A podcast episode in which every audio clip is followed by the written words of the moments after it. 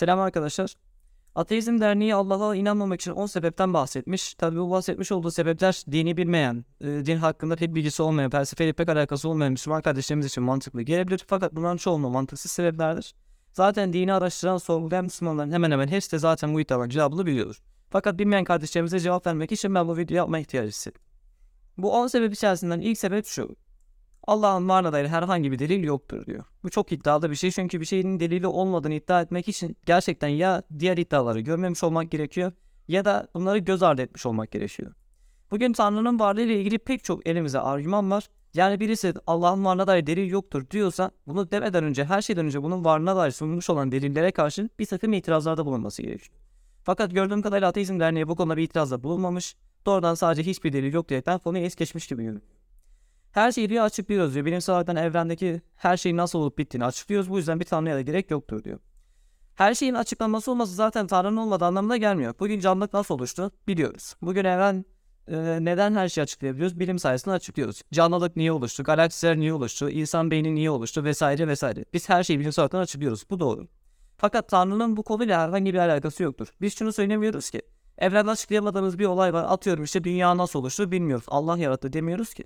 Biz var olan sistemden, var olan düzenden hareketle yani bir şeyin nasıl oluştu sorusuyla değil, bir şeyin neden oluştu, bütün bu düzen niçin var, neden var, neden bu şekilde bir düzen var, neden bu şekilde asıl sayılara sahip bir evren var, neden bu şekilde rasyonelist, anlaşılabilir yapıda olan bir evren var diye sorduğumuz takdirde bir tanrı varlığına ulaşıyoruz. Yani biz bilimsel bir şey açıklayamadığımız için burada tanrı vardır falan demiyoruz. Bu yüzden bilimin bir şeyi açıklıyor olması tanrının olmadığına dair bir kanıt falan teşkil etmiyor. Örneğin mesela Evrenimiz deterministik bir yapıda, yapıya sahip olduğunu biliyoruz. Neden deterministik? Fizik kanunları sayesinde. Peki niçin de deterministik? Neden böyle determinist bir yapıya sahip? Neden böyle belirlenmiş bir yapıya sahip sorusunu sorduğumuz takdirde bir yaratıcının varlığına mantıksal olarak da ulaşıyoruz. Bu yüzden her şeyi açıklıyoruz efendim bundan dolayı artık bir tanrıya ihtiyacımız yoktur demek son derece bir mantık hatası. Bunun dışında hiçbir kanıt yok diyor. Fakat ben bunu zaten daha önceki videolarımda da bahsetmiştim. En basit ben size iki tane kanıttan bahsedebilirim. Birincisi evrenin rasyonelist yani anlaşılabilir bir yapıda olması. Çünkü düşünün yani 13,4 milyar yıl öncesinde veya daha daha farklı rakamlar da veriliyor. Milyarlarca yıl öncesinde bir Big Bang dediğimiz bir olay oluşuyor. Ondan sonra büyük patlama meydana geliyor. Ondan sonra işte galaksiler oluşmaya başlıyor. Yıldızlar oluşmaya başlıyor. İşte güneş sisteminde toz bulutundan bir dünya gezegeni oluşuyor. Bu dünya gezegeni içerisinde canlılık başlıyor. Ve bu başlayan canlılığın içerisinden insan türü oluşuyor. Ve insan bütün bu senaryoyu okuyabiliyor. Bütün bu düzeni görebiliyor. Bilim yapıyor, evrene anlam veriyor, her şeyi yorumlayabiliyor. Evrenin rasyonelist bir yapıda olması yani anlaşılabilir bir yapıda olması onu anlaşılabilir kılan bir yaratışın varlığının en açık ispatıdır.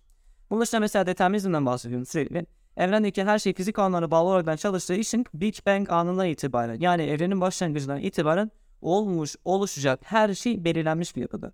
Şu an oluşmuş olan düzen de belirlenmişti en başında Bundan sonraki oluşacak olan düzen de evrenin bir sonraki adım da aslında belirlenmiş oluyor.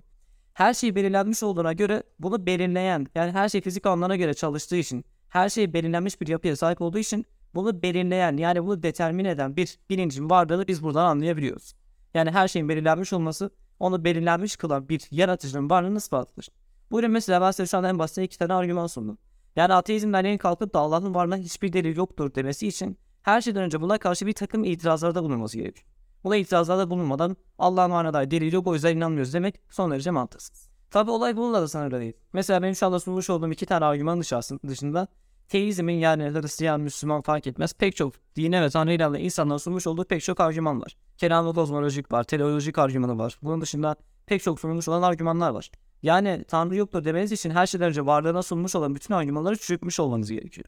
Ondan sonra ortaya çıkıp da Tanrı'nın varlığına dair hiçbir delili yok diyebilirsiniz. Bu konu aslında daha da uzatılabilir. Ben şu anda sunmuş olduğum argümanlara karşı bir takım itirazlarda da bulunabilir. Fakat ben bununla ilgili daha önceki bir videomda yeterince değinmiş olduğum için, yeterince itirazlarla değinmiş olduğum için bu konuyu fazla uzatmamak için bu videoda değinmiyorum. Detayda öğrenmek isteyen arkadaşlar o videomu isteyebilir. Ben fazla uzatmaksızın hemen arkadaşın diğer iddiasına geçiyorum. İkinci iddia dinlerde bilim eksikliği diyor. Aslında bu da yine çok kapsamlı bir konu fakat burada da yine özet geçeceğim. Dinler diyor dünyayı düz, etrafını su, üstünde tavan zannediyor diyor. Dinlerde arkadaşlar bilim eksikliği yoktur.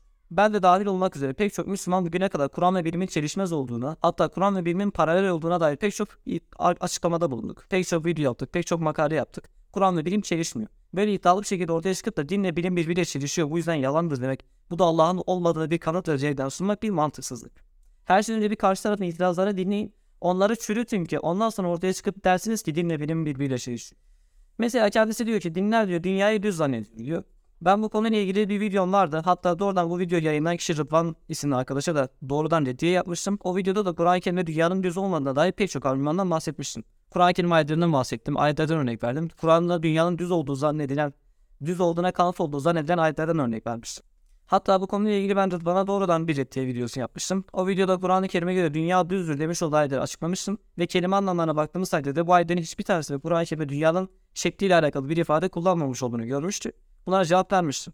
Fakat ben burada en basitinden Kur'an-ı Kerim'le dü- düz dünya modelini yani tepsi gibi böyle dümdüz dünya modelinin çelişmiş olduğu bir ayetten örnek vereyim size. Zümer Suresinin 5. ayetinde Allah der ki geceyi gündüzü tekbir ettiğinden bahseder. Yüke uyuyor fiil tekbirden gelir. Tekbir kelimesi arkadaşlar yuvarlak bir şeyi dolamak, yuvarlak bir şeyi sarmak manasındadır. Tepsi gibi dümdüz bir dünya modelinde güneş ve gece ve gündüz birbirini yuvarlıyor diyebilir misiniz arkadaşlar? Ancak şöyle oval bir şey olmalı, yuvarlak bir şey olmalı ki gece ve gündüz birbirini yuvarlıyor, birbirine yuvarlak bir şey sararmış gibi sarıyor o zaman diyebilirsiniz. Sadece bu ayetten Ehlisi Zıffan'ın iddia etmiş olduğu Kur'an-ı Kerim'e göre dünya düzdür modelinin yanlış olduğunu görebiliyoruz. Daha detaylı bilgi için Rıd- Rıdvan'a özel yapmış olduğum videoya bakabilirsiniz. Ben konuyu fazla tutmamak için burada fazla detayına girmiyorum. Ve diyor ve dünyanın etrafı da sudur diyor dinlere göre. Arkadaşlar doğru. Tevrat'ta da buna benzer bir atıf var yanlış bilmiyorsam. Fakat dünyanın etrafının su olaraktan tarif edilmesi. Yani bütün uzay boşluğunun evrenin su olaraktan tarif edilmesi bilimsel bir hata değildir arkadaşlar. Çünkü karanlık sıvı dediğimiz bir şey var. Evrenin o boşluğu aslında bir sıvıdan ibaret arkadaşlar. Dünyayı ayrı tutun. Dünya dışında olan o ev- uzay boşluğu tamamıyla sudur. Buna zaten karanlık sıvı deniyor. Önceleri karanlık madde olduğu zannediliyordu fakat şu an bunun karanlık sıvı olduğu söyleniyor. Kur'an ve Tevrat'ın da özellikle böyle uzay boşluğunu yani göğü böyle suymuş gibi tarif etmesi, havuzmuş gibi tarif etmesi gayet uyumlu bir şey. Burada bilimsel bir hata söz konusu değil. Bu da aslında bilimsel bir mucize var yani.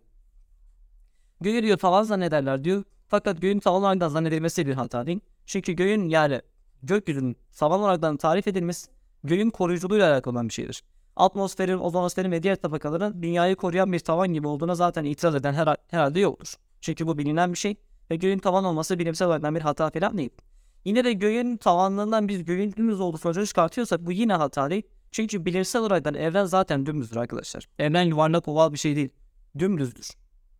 Einstein'ın özel görelilik teorisine bakabilirsiniz arkadaşlar. Zaten orada o da bu konuya değiniyor. Evren aslında dümdüzdür. Bu konuyla da geçiyorum. Ve diyor ki en önemli iddia dinler kendi döneminin yanlış bilgilerini anlatır diyor. O dönem bilinmeyen bir şeyden bahsetmez diyor. Bakalım şimdi arkadaşlar. Şimdi ben Kur'an-ı Kerim'in bahsetmiş olduğu ve o dönemde yanlış bilinen birkaç olaydan bahsedeceğim size. Rad suresinin ikinci ayeti. Bu diyor ki Allahu lezi rafe as semavati bi gayri amedin teravneha. Gördüğünüz gibi yani direkler olmaksızın yarattı diyor. Eski çağda arkadaşlar göğün direklerle yükseltilmiş olduğu düşüncesi yaygındı. Bakın ayette ne diyor? Göğü diyor herhangi bir direkler olmaksızın yükseltendir Allah diyor. Hatta İbn Abbas olsun o dönem pek çok Müslüman olsun bu ayetle bu inançların çelişkili olduğunu gördükleri için ayeti bile tevil etmeye çalışıyorlar. İbn Abbas gibi. Bakın onlar da zannediyorlar ki gök direklerle yükseltilmiş. Allah burada işte direkler yoktur derken başka bir şey kastetmişiz diye tevil etmeye çalışılıyor. Bakın Kur'an-ı Kerim o dönemin yanlış inancına resmen şu ilgili bir ifadede karşı çıkıyor. Allah diyor direkler olmaksızın yükseltti. İşte görüyorsunuz. Bakın hani Kur'an-ı Kerim'in dönemin yanlış bilgilerini savunuyordu. O dönem Müslümanlığın bile bakın dine en bağlı Müslümanlığın bile savunmuş olduğu yanlış modele Kur'an-ı Kerim şiddetle karşı çıkıyor bu ayet. Hani yanlış bilgileri savunuyor Kur'an-ı Kerim. Bunun dışında mesela arkadaşlar e, Araplarda şu şekilde bir inanç var. Bunu zaten sözlüklerde de görebilirsiniz. Kaynağını da biliyorum. Öğlen vakti güneşin bir müddet havada sabit kaldığını ondan sonra hareketi yeniden başladığına dair bir inanç var Arapların içerisinde. Fakat Kur'an-ı Kerim ise buna pek çok ayetle karşı çıkıyor. Buna karşı çıkmış olduğu ayetlerden bir tanesi Yasin Suresinin 38. ayet. Şimdi tabi burada biraz kıraat farkına geleceğim. Biliyorsunuz bizim kıraatte şöyle bir ifade geçin. وَالشَّمْسُ تَجْرِي لِمُسْتَقَرٍ نَهَا Yani güneş şemsi için müstakar olan, durup kalacağı bir yere doğru akıp gider. Kıyametten bahsediyor. Bu ayet farklı bir kıraatte ki her kıraat Kur'an-ı Kerim'e aittir. Hiçbir tanesi bu yanlıştır, bu yanlış kıraattır falan diyemeyiz. Bu doğru kıraattır, öbürü yanlış kıraattır demek yanlıştır. Böyle bir şey denilemez. Yasin Suresinin 38. ayeti bir farklı kıraatte şu şekilde okunuyor. وَالشَّمْسُ تَجْرِي لَا مُسْتَقَرٌ نَهَا Yani güneş kendisi için durmak yani durup kalacağı bir yer olmaksızın sürekli akıp gidiyor. Bakın Arapların öyle vakti güneş havada sabit durur düşüncesine karşı Kur'an-ı Kerim güneş durmaksızın akıp gider diyerekten bir ifade kullanıyor. Bu da o dönemin yanlış bilgisine dair, karşı çıktığına dair bir şey. Bunun dışında bilinmeyen herhangi bir şeyden de bahsetmez diyor arkadaş. Bakın Rad suresinin 41. ayetinde derken onlar yere doğru geldiğimizi ve onun etrafından eksilttiğimizi görmüyorlar mı diyor. Bu o dönem bilinen bir şey değildi. Hatta bu ayeti ilk dönem Müslümanları bile Allah'ın yerin etrafından eksiltmesi değil de işte eee onların helaka yaklaştırması, onların malından mülkten eksiltmesi diyerekten yorumlamışlar. Hatta buna yorumlama gerekçeleri olarak da demişler ki mantıken işte yeryüzü gerçekten eksiliyor olsaydı affedersin yani dedi hacet edecek geri kalmaz diyerekten tefsirde yazmışlar adamlar bunları. Bakın Kur'an-ı Kerim onların bilmediği bir olaydan bahsediyor. Biliyor olsalardı muhtemelen derlerdi ki bu gerçekten de yerin etrafının eksilmesine işarettir diyebilirlerdi. Ama bilmedikleri için hemen bu şeyle tevil ediyorlar. Fakat ayet açıkça diyor ki Allah diyor yerin etrafından eksiltiyor. Buyurun bu da o dönem insanların bilmediği bir bilgidir. Hadi buna da itiraz edin şimdi. Diğer iddiasına geçelim fazla uzatmaz. Dinlerin yaşı diyor. Dünyanın yaşından bahsetmiş arkadaş. insanlığın yaşından bahsetmiş. Fakat dinlerden İbrahim'e dinlerliği 3000 yıla dayanıyor diyor. Arkadaşlar şimdi her şeyden şunu söyleyeyim. Kur'an-ı Kerim bize bir yıl vermez. İşte şu insan şu tarihte yaşadı diyerekten bir bilgi vermiyor. Bu yüzden Adem peygamber ne zaman yaşamış, ondan sonraki insanlar ne zaman yaşamış bilmiyoruz. Bu arada yapılan çıkarımlar tamamen insani yorumlarla kaynaklı. Bildiğim kadarıyla herhangi bir kutsal kitapta da tam net bir tarih yok bildiğim kadarıyla. Fakat Kur'an-ı Kerim yıl vermediği için bunu dini bir çelişki yoldan sunmak bir mantık hatası. Ve diyor ki tek tanrılı dinler diyor birkaç bin yıllıktır diyor. Şimdi arkadaşlar ben size şu şekilde bir açıklamada bulunayım. Tabi bu Kur'an-ı Kerim'in anlattığı üzere olan bir şeydir. Ben Kur'an-ı Kerim'in anlatmış olduğu e, olaya göre örnek veriyorum. Allah öncelikle insanlar yaratıyor. İnsan zaten fıtratı gereğince yani içerisindeki o bir yaratıcıya bir neden arama ihtiyacı sebebiyle bir yaratıcının varlığını anlıyor. Yani Allah'ın varlığını buluyor.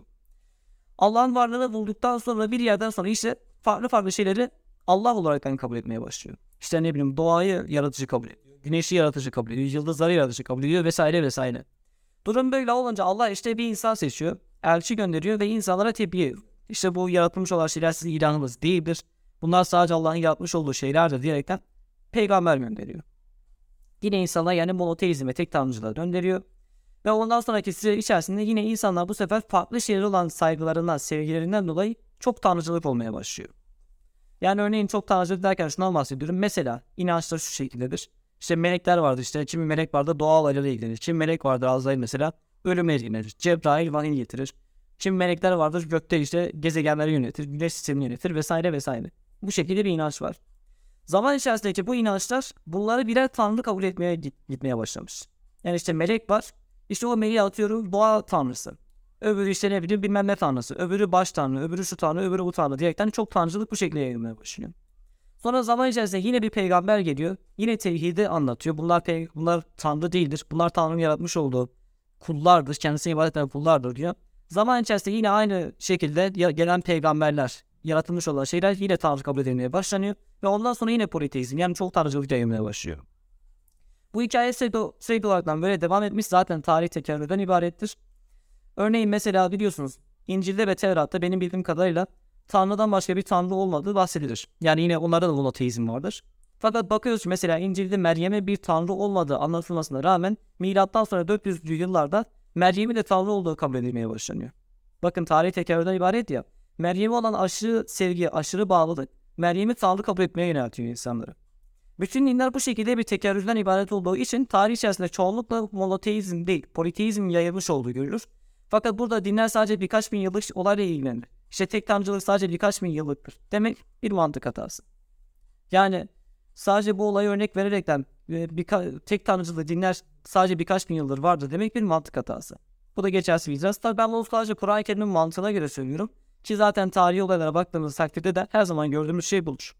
Her zaman için tek tanrıcılık gelmiştir. Sonra Tanrı yaratmış olduğu kullar, peygamberler, özel kullar, ondan sonra melekler Tanrı koluna çıkartılıyor ve bu şekilde politeizm çok tanrıcılık yayılıyor. Yoksa yani hepsi özünde yine tek tanrıcılıktır. Tanrı her zaman için tek tanrıya emredilmiştir.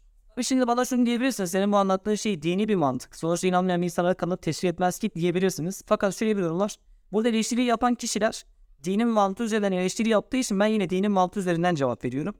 Bu dediğime doğru için maalesef elimde bir arkeolojik bir kanıt yok. Çünkü zaten en eski dönemlerde her zaman için kayıt tutulmadığı için benim bunu ispat etme şansım da yok. Fakat tarih tekerrür eden mantığından bakacak olursanız hemen hemen her dinde aynı mantık görülüyor. Yine tek tanrı var zaman içerisinde bazı şeylere özel bağlılık, özel sevgi onlar tanrı konumuna çıkartmaya götürüyor. Bu yüzden yani aslında Monoteizm birkaç bin yıllık değil. En başından beri yani Tanrı'nın vahiy ettiği ilk zamandan beri var olan bir inançtır. Ve diyor ki arkadaş evren diyor 14 milyar yıl boyunca boş kaldı diyor. Dinler ise sadece birkaç bin yıllık olan yani e, ilk seçilmiş olan insanlardan itibaren olaylar ilgileniyor. diyor. Şimdi arkadaşlar Kur'an-ı Kerim'de sadece insanlar için bu evrenin yaratıldığı, sadece bizim varlığımız, bizden önce bu hikayenin herhangi bir parçası olmadığına dair herhangi bir ayet söz konusu değildir.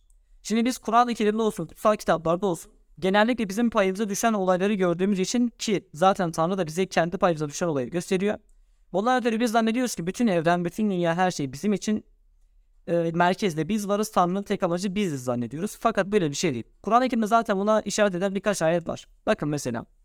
Bakara suresinin 30. ayetinde der ki Allah e, Allah bir zaman meleklere ben yeryüzünde bir halife yapacağım demişti diyor. Halife yani Adem'i kastediyor.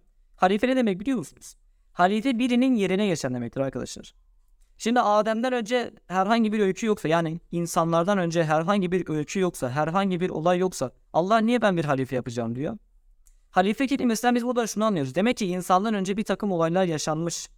Bir takım bir öyküler olmuş. Allah yine bir takım müdahaleleri olmuş. Bir senaryo olmuş ya bir hikaye olmuş bizden öncesinde de. Biz öylesine bir hikaye olmuş ki Allah Adem'i ben halife yapacağım diyor. Birinin yerine geçireceğim diyor. Yani dünyanın başına insanı geçireceğim diyor. Mesela ben buradaki halife kelimesinden anlıyorum ki yani arkadaşın iddia etmiş olduğu gibi din sadece birkaç bin yıllık var olan insan hayatıyla ilgilenmiyor. İnsanlardan önce var olan bir hayat da var. Fakat din bize diyor ki o hikayeden sonraki hikaye sensin sizin hikayeniz bu zaman başladı diye bize açıklama yapıyor. Bu yüzden bu arkadaşın iddiası da geçersiz. Bunun işte mesela insan suresinde Allah yine buna vurgu yaparken şunu söyler. İnsan diyor adı anılır bir şey olmadığı çok uzun bir dönem geçmiş diyor. Yani öyle bir dönem geçmiş ki insanın daha adı anılır bile bir şey değilmiş. İnsan daha kayda değer bile bir şey değilmiş. Bizden daha önemli yaratıklar, bizden daha önemli bir hikaye, bizden daha önemli bir senaryo varmış. Bu senaryo bitiyor ondan sonra bizim senaryomuz başlıyor. Yani dinin anlattığı mantık bu arkadaşlar.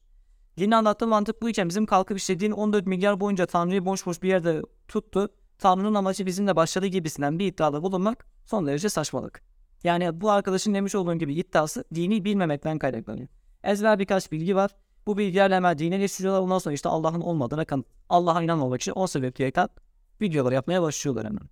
Bu da yanlış bilgi. Gördüğümüz gibi. Ahlaki sorunlar diyor. Aslında bu bugüne kadar hemen hemen pek çok Müslümanın cevabını vermiş olduğu bir şey. Arkadaş yine sanki yeni bir şeymiş gibi sanıyor. E, dinler diyor mesela kölelik diyor normal sayılır diyor. Köleliği dinler devam ettirdi diyor. Bu aslında yanlış. Buna beraber birkaç tane daha eleştiri bulunmuş. Bakın şimdi. Köleliği Kur'an-ı Kerim aslında Nur Suresi'nin 33. ayetiyle bitiriyor arkadaşlar. Ayette diyor ki e, gücünüzün sahip olduklarından yani kölelerinizden diyor mükatebe yapmak isteyenlerle diyor mükatebe yapın diyor. Yani elinizde altında köleler var. Biliyoruz ki kölelik İslam'la başlamış bir şey değil. O dönemde var olan bir şey. Kölelerinizden diyor mükatebe yani özgürlük anlaşması yapmak isteyenler varsa diyor onlarla hemen özgürlük anlaşması yapın diyor. Ve Allah'ın size vermiş olduğu malından onlara verin. Yani açıkça diyor ki elin altında bulunan köle diyor. Özgürlük istiyorsa sen onu serbest bırak ve onun aynı zamanda malından da ver diyor Allah. Onun özgürlüğüne engel olma diyor. Bu ayet açıkça arkadaşlar köleliği bitiriyor. Ha diyebilirsiniz ki peki hangi köle özgür olmayı istemez ki? Bu şeyde bir itirazda bulunabilirsiniz. Arkadaşlar zaten gerek Kur'an olsun hadislere inanıyorsanız da hadislerde olsun gördüğümüz kadarıyla Kur'an-ı Kerim'in bahsetmiş olduğu kölelik sisteminde bile bizim bugün anladığımız kölelik sistemi söz konusu değil. Yediğinden yedir, giydiğinden giydir, içirdiğinden içir, onu zorlama, ona baskı yapma, onu istemediği bir şeye zorlama mantığı İslam'da var olan bir şey. Şimdi diyelim ki o dönemde köle bir efendiye bağlı kalmış, onun evinde kalıyor, onun ailesinin bir bireyi gibi yaşıyor.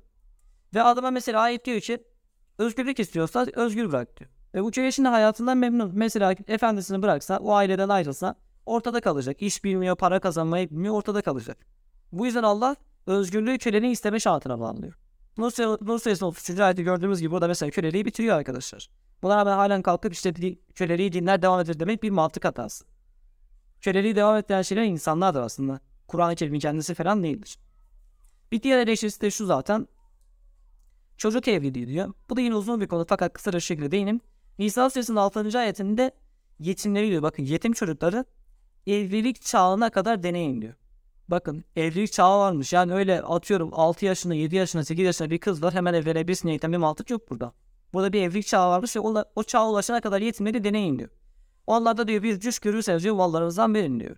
Demek ki bakın bir cüş var bir akıl buluğu çağı var. Ha bugün bu akıl çağı, cüş çağı hangisidir? Mesela bugünün şartlarında 18 yaştır mesela. O dönemin çağında belki bu yaş farkı değişebilir. Yine farklı toplumlarda rüşt yaşı, aklı olgunluk yaşı, nikah çağı değişebilir. İşte mesela Nur Suresi'nin 33. ayeti arkadaşlar, bu da fazla detayına girmiyorum. Nur Suresi'nin 33. ayeti de aslında kadınları zorla evlendirmeyi yasaklayan bir ayet. Eşine küçük bir çocuğa deyin ki gel ben seni evlendireyim derseniz ne der çocuk? İster mi bunu? İstemez değil mi? Nur Suresi'nin 33. ayeti bunu da yasaklıyor. E bu ayet varken biz neden ayetten kalkıp da çocuk evliliği vardır diyebiliriz ki? Bu ayette çocuk evliliği olmadığını gösteriyor. Bir başka iddiasına geçelim. İşte dinlerde diyor başka din olanları katletme diyor. Bu da zaten Kur'an'ı az çok bilen her insanın bileceği bir şeydir. Böyle bir şey İslam dininde yoktur. Bakın. Bakara suresinin 256. ve Yunus suresinin 99. ayetleri bize açıkça dinde zorlamanın olmadığını ve hatta peygamberin dine zorlamaya karşı Allah'ın sen onları zorlayacak mısın diyerekten Allah'ın bir soru sorduğundan falan bahseder. Tabi istifam ve inkardır. Bu yani yapma anlamında bir sorudur. Bunun işte mesela ehli kitap kadınlarla evlilikten bahsediyor Kur'an-ı Kerim. Madem başka dinden olan insanları katletme var. Ehli kitap kadınlarla evlilik neyin nesi oluyor? Onlara mehirlerini verin diyor. Onlarla evlilik yapın diyor. Bu neyin nesi oluyor acaba? Başka din olarak katletme mantığı İslam'da yoktur arkadaşlar. İslam'da sadece nefsi müdafaa savunma savaşı vardır. Bir diğer ise zaten Hac Suresi 39. ayetin zulme uğradıkları için savaşa müsaade ediliyor. Savaşanlara diyor zulme uğradıkları için savaşa müsaade ediliyor. Yoksa başka dinden olanları katletmeye için müsaade edildi falan demiyor. Onun için Enfal Suresi 61. ayetinde savaşta olunan bir topluluktan bahseder. Der ki o savaşta olduğunuz toplum yani onlar savaşta olduğunuz o toplum barışa yanaşırlarsa sen de barışa yanaş diyor. Buyurun bu da arkadaş iddiasını çürütmek için yeterli. Bunun için mesela Tevbe suresinin 6. ayetinde müşriklere eman vermekten bahsediyor. Adam müşrik ya senin dinine inanmıyor. Senin dininin en büyük günah gördüğü olan şeyi yapıyor. Tevhide karşı çıkıyor. Ve buna rağmen Allah diyor ki müşriklerden birisi senden eman isterse, emniyet isterse eman sağla diyor. Hani başka din olan insanları katletme vardı. Ve dinden çıkanı katletme diyor. Dinden çıkanı katletme arkadaşlar İslam'da yoktur. Bakara suresi 217. ayetinde der için eğer güçleri yetse sizi dininizden döndürünceye kadar size savaş açmaya ara vermezler diyor. Bakara suresi 217. ayeti. Buyurun bu ayet varken dinden çıkanı öldürmek kimin adetiymiş arkadaşlar? Kimin hareketiymiş? Belli olmuyor mu? Yani Allah'ın kullarının bir işi değilmiş bu gördüğümüz kadarıyla. Bu Allah'ın kullarına savaş açan müşriklerin bir eylemiymiş bu ayetten gördüğümüz kadarıyla. Fikirleri için katletme diyor. Bu da zaten aslında az önce değinmiş olduğum bir şey. Fakat başka bir ayette değinim. Ankebut suresinin 46. ayette der ki kitap ehlinden. Kitap ehli zaten Müslüman değil.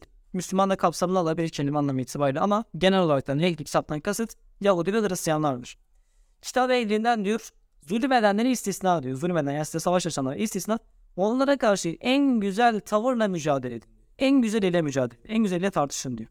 Fikirleri katletme var daha İslam'da. Bu ayette ise niye en güzel bir uslupla tartışın diyor. Madem öldürme var Allah tartışın demez yani mücadele edin demez gidin katledin derdi doğrudan değil mi? Bu da bu arkadaş iddiasını yanlışıyor. Diğer iddiası kadınları ezmek diyor. Bakın Nisa suresinin 19 ayetinde der ki Allah Ey iman edenler diyor kadınlar diyor zorla mirasçı olmanız size helal olmaz. Zorla kadınlar sahip olmanız size helal değil. Onlara verdiklerinizin bir kısmını almak için onları sıkıştırmayın diyor. Onlarla diyor güzel dostluk edin diyor. Onlara iyi davranın diyor. Bakın Allah Kur'an'da Müslümanlara emir olaraktan geçeceğiniz yani kadınlara diyor iyi davranın diye emir veriyor.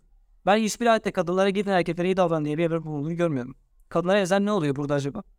Yani Allah diyor ki kadınlara iyi davranın. Bu kadını ezmek mi oluyor şimdi?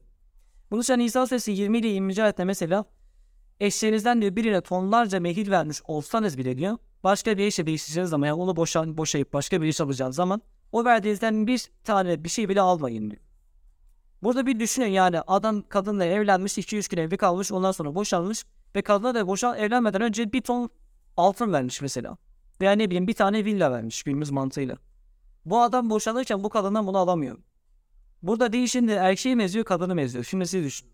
Tabi bu aslında ezme mantığı değil de ben e, genelde kadını ezer, din kadını eziyor diyenlerin mantığına göre bu örneği verdim. Bunun için arkadaşlar mesela evin geçimini sağlama zorunluluğu Kur'an-ı Kerim'de erkeğe veriliyor.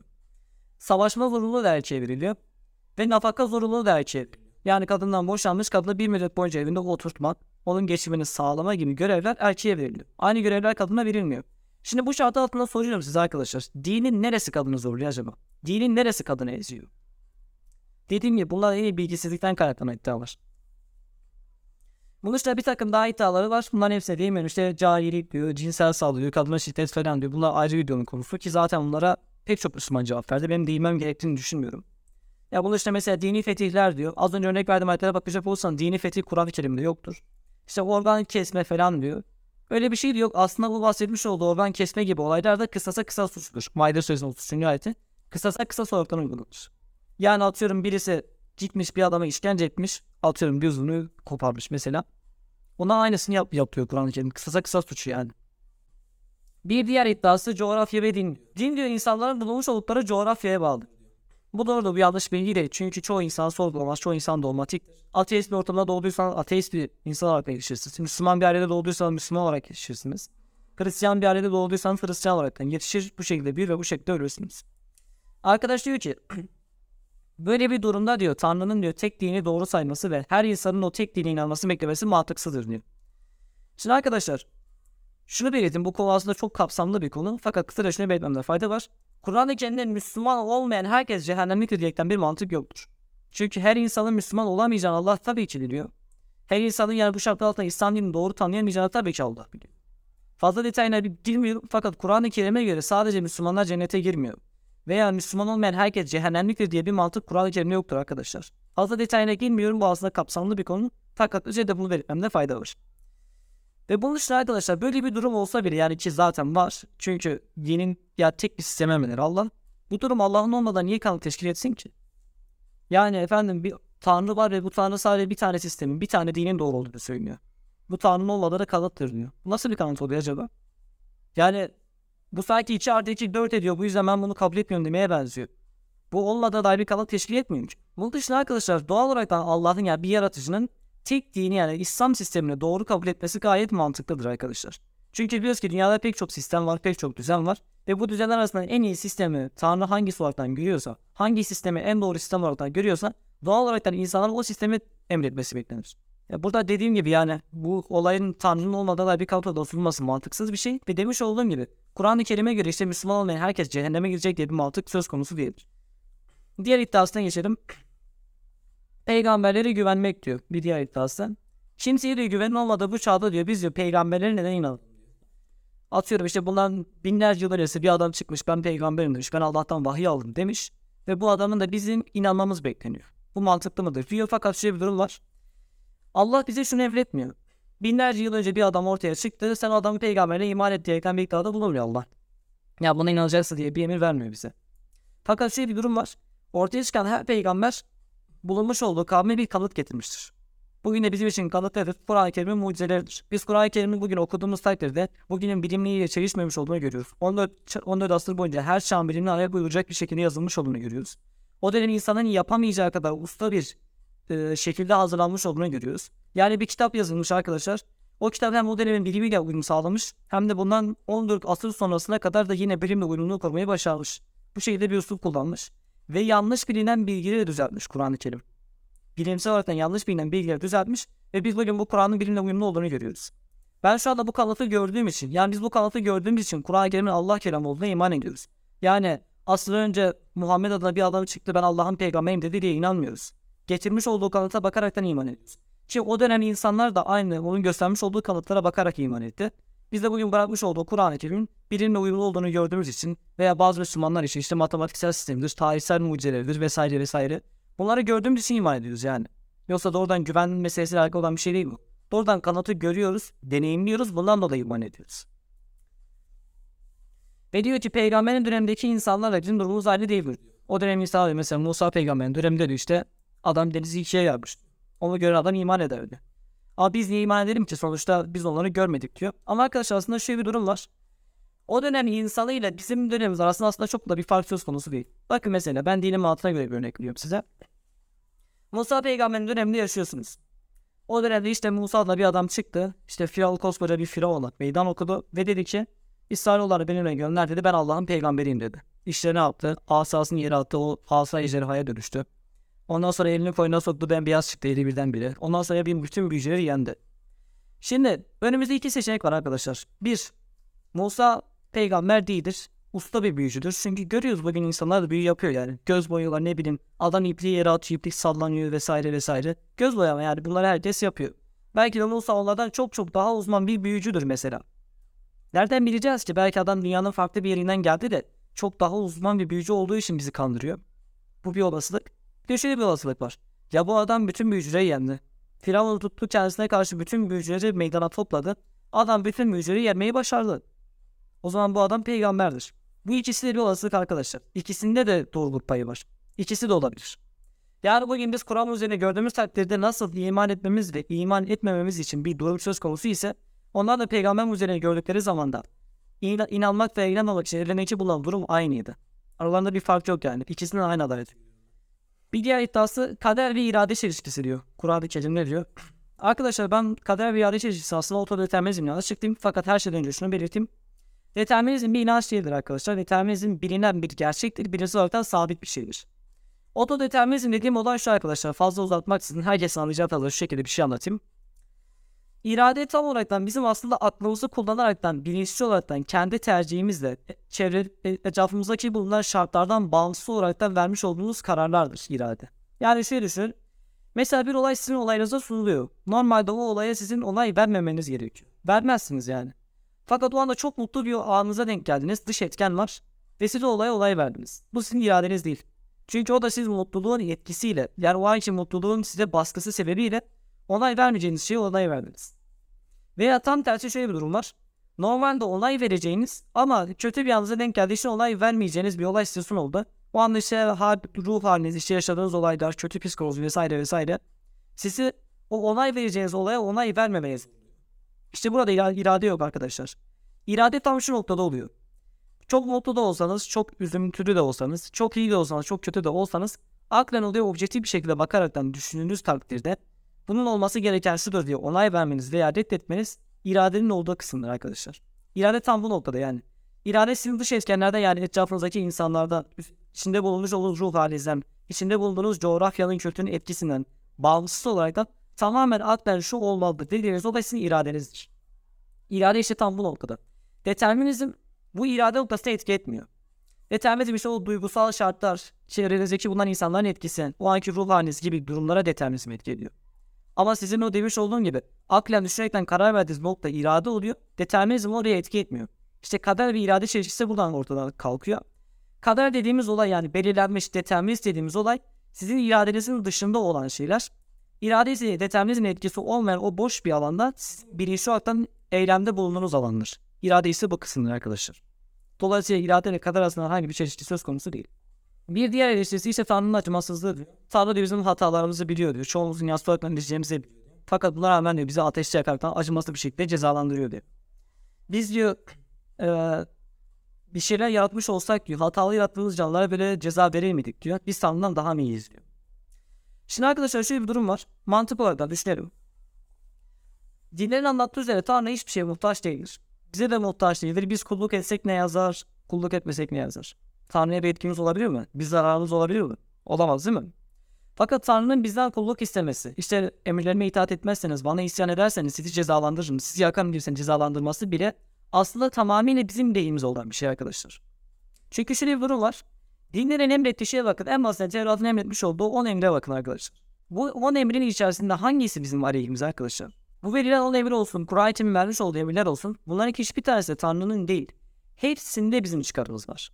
En basit ben size örnek vereyim. Mesela Kur'an-ı Kerim'in hatta üç dininin en çok mücadele ettiği şeylerden bir tanesi şirktir arkadaşlar. Şirk. En büyük günah olarak gördüğü şey şirk. Şirk nedir? Allah'a eş koşmak. Peki Allah'a eş koşmak Allah'ı niye çok alakadar eder? Biliyor musunuz aslında şirkte bile bizim lehimize olan bir şey var. Şirk nedir biliyor musunuz normalde?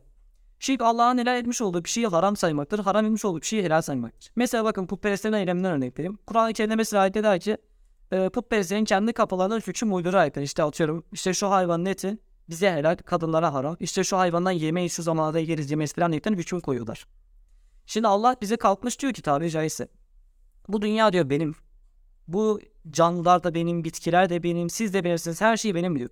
Ya sana ne oluyor da benden başka birini hüküm koyucu olarak tanıyıp da sen sana helal edilmiş olan bir şeyi haram ediyorsun. Allah sana et yemeği helal kılmış. Bir tane putperest çıkıyor işte bu etler yenmez. Bunlar işte kadınlara haramdır diyor. Sana ne diyor? Sen nasıl da Allah'a şirk koşuyorsun diyor. Bu dünya Allah'ın. Allah sana bunu helal etmiş. Allah sana bunu yemine müsaade etmiş. Sana kim ne hatla kalkıp da bu haramdır diyebiliyor ki? Bakın şirkin mantığı budur arkadaşlar aslında. Yani aslında şirke baktığımız takdirde bile arkadaşlar Allah'ın lehine değil. Bizim lehimiz olan bir şey görüyor burada.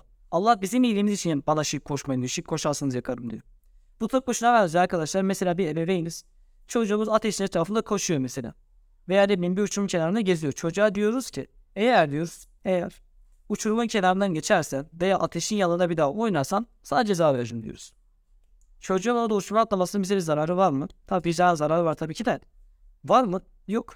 Peki biz niye sana cezalandırırız diyoruz çocuğa? Kendisine zarar vermemesi için. İşte Allah'ın emirleri de Allah işte emirlerime uymazsanız sizi cezalandırırım demesindeki mantık da bu. Yine bizim lehimize olan bir şey. Bu acımasızlık değil bu aslında merhamet gösterisi olan bir şey.